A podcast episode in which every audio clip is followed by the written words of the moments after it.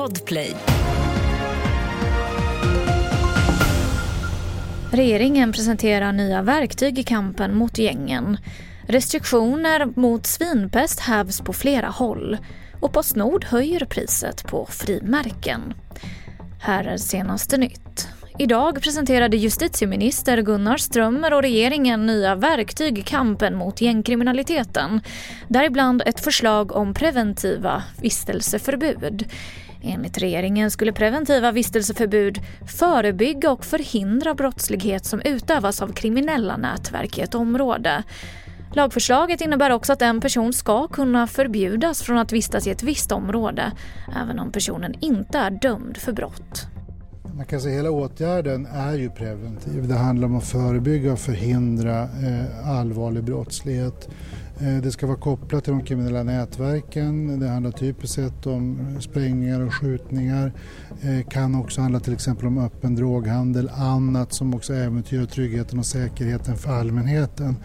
Eh, så att syftet är att förhindra personer att vistas på områden där man bedömer att de kan främja den här brottsliga verksamheten.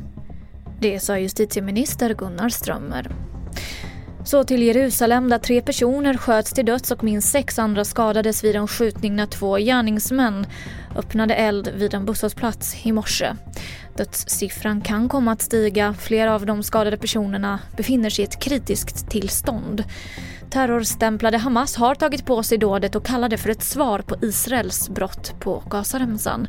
Israel uppger att gärningsmännen dödades av polis. Restriktionerna för svinpest hävs helt i Dalarna, Skinnskatteberg, Surahammar, Västerås och Sala.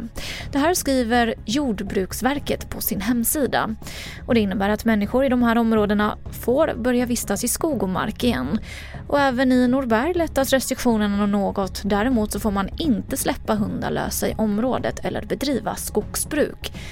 Runt kärnområdet för svinpest i Fagersta så kvarstår restriktionerna. Och till sist kan vi berätta att Postnord höjer priset på frimärken, i de flesta fall med 20% Från och med den 1 januari så kostar portot 18 kronor för brev upp till 50 gram och 36 kronor för brev upp till 100 gram. Och att priset höjs beror på att färre människor skickar brev och även på inflationen. Mer nyheter på tv4.se. Jag heter Emily Olsson.